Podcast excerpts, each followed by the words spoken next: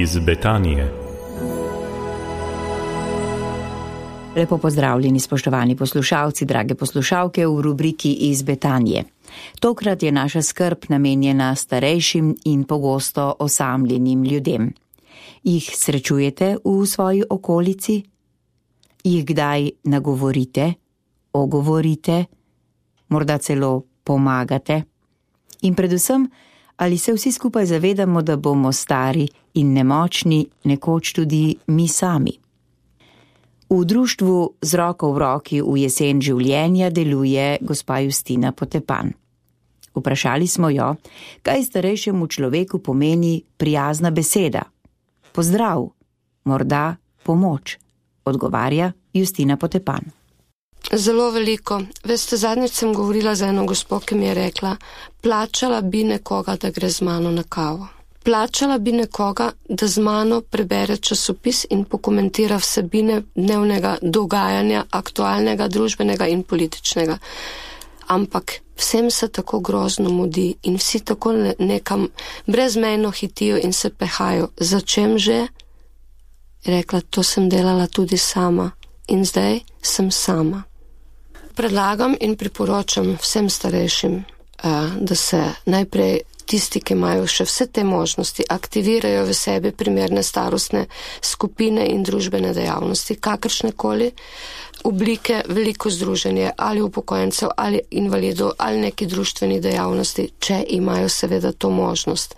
Potem naj se v lokalno okolje vključijo, torej v, ne vem, stanovanjske skupnosti v objektih, kjer živijo, naj se vključijo v vaške skupnosti ali naselja, kjer prebivajo in predvsem naj svojim bližnjim ali sosedom preprosto rečejo, veš, malo sem rado osamljen ali nemočen, kaj misliš, kaj bi naredil. O tem naj spregovorijo.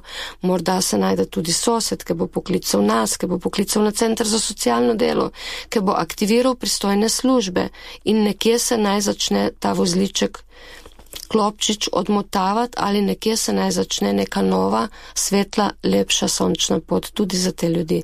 Nekateri so preprosto osamljeni, drugi so potrebni pomoči, tretji rabijo samo par besed in usmeritev, kje lahko najdejo neko pomoč. Veliko jih je, ki jih je upravičeni še do dodatnih, mora biti državnih transferjev, eh, dodatek za pomoč in postrežbo, preprosto do, denarne pomoči, morda ne na zadnje paketi. Veliko ljudi je, ki bi lahko koristilo priložnost in uh, dobrino um, Rdečih križov in Centru za socialno delo, ki pač uh, preko Karitasa in Rdečega križa omogočajo prejemanje mesečnih ali še pogostejših uh, prehrambenih in drugih oblik pomoči.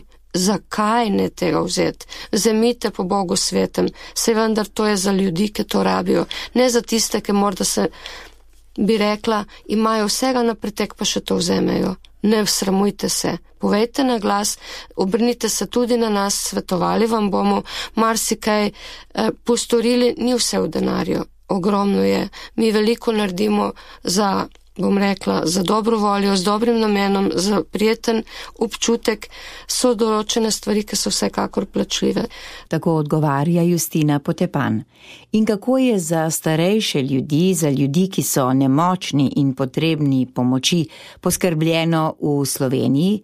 So to zasebni domovi, je to institucionalno varstvo? Odgovarja Justina Potepan. Pri nas se še zmeraj nekako najbolj držimo institucionalnega varstva, takrat, kadar so pač starostniki potrebni večje in obširnejše nege in pomoči. Torej, eh, zato poskrbijo domovi starejših občanov ali domovi upokojencev, kakor kjer že jih imenujejo, in tudi te bolnišnična varstva, ki so včasih negovalna. Uh, skandinavske države pa že neki let že krepko delajo na družinskih skupnostih, in na gospodinski skupnosti. Eh, predvsem pa zadnje čase prihaja vse bolj v ospredje oblika eh, nege na domu. Torej, na domu ima posameznik in starostnik ali oseba z zdravstvenimi večjimi težavami in pomoči potrebe ima zagotovljeno skozi institucije in organizacije družabništvo in sicer v skladu po potrebah in po dogovoru, družabništvo za od 1 do 24 ur na dan.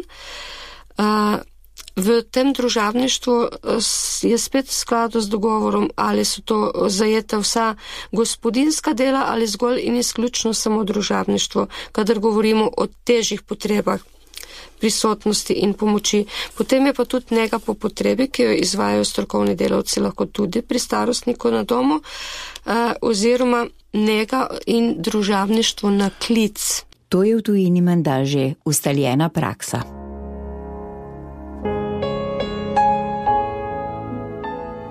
Iz Betanije.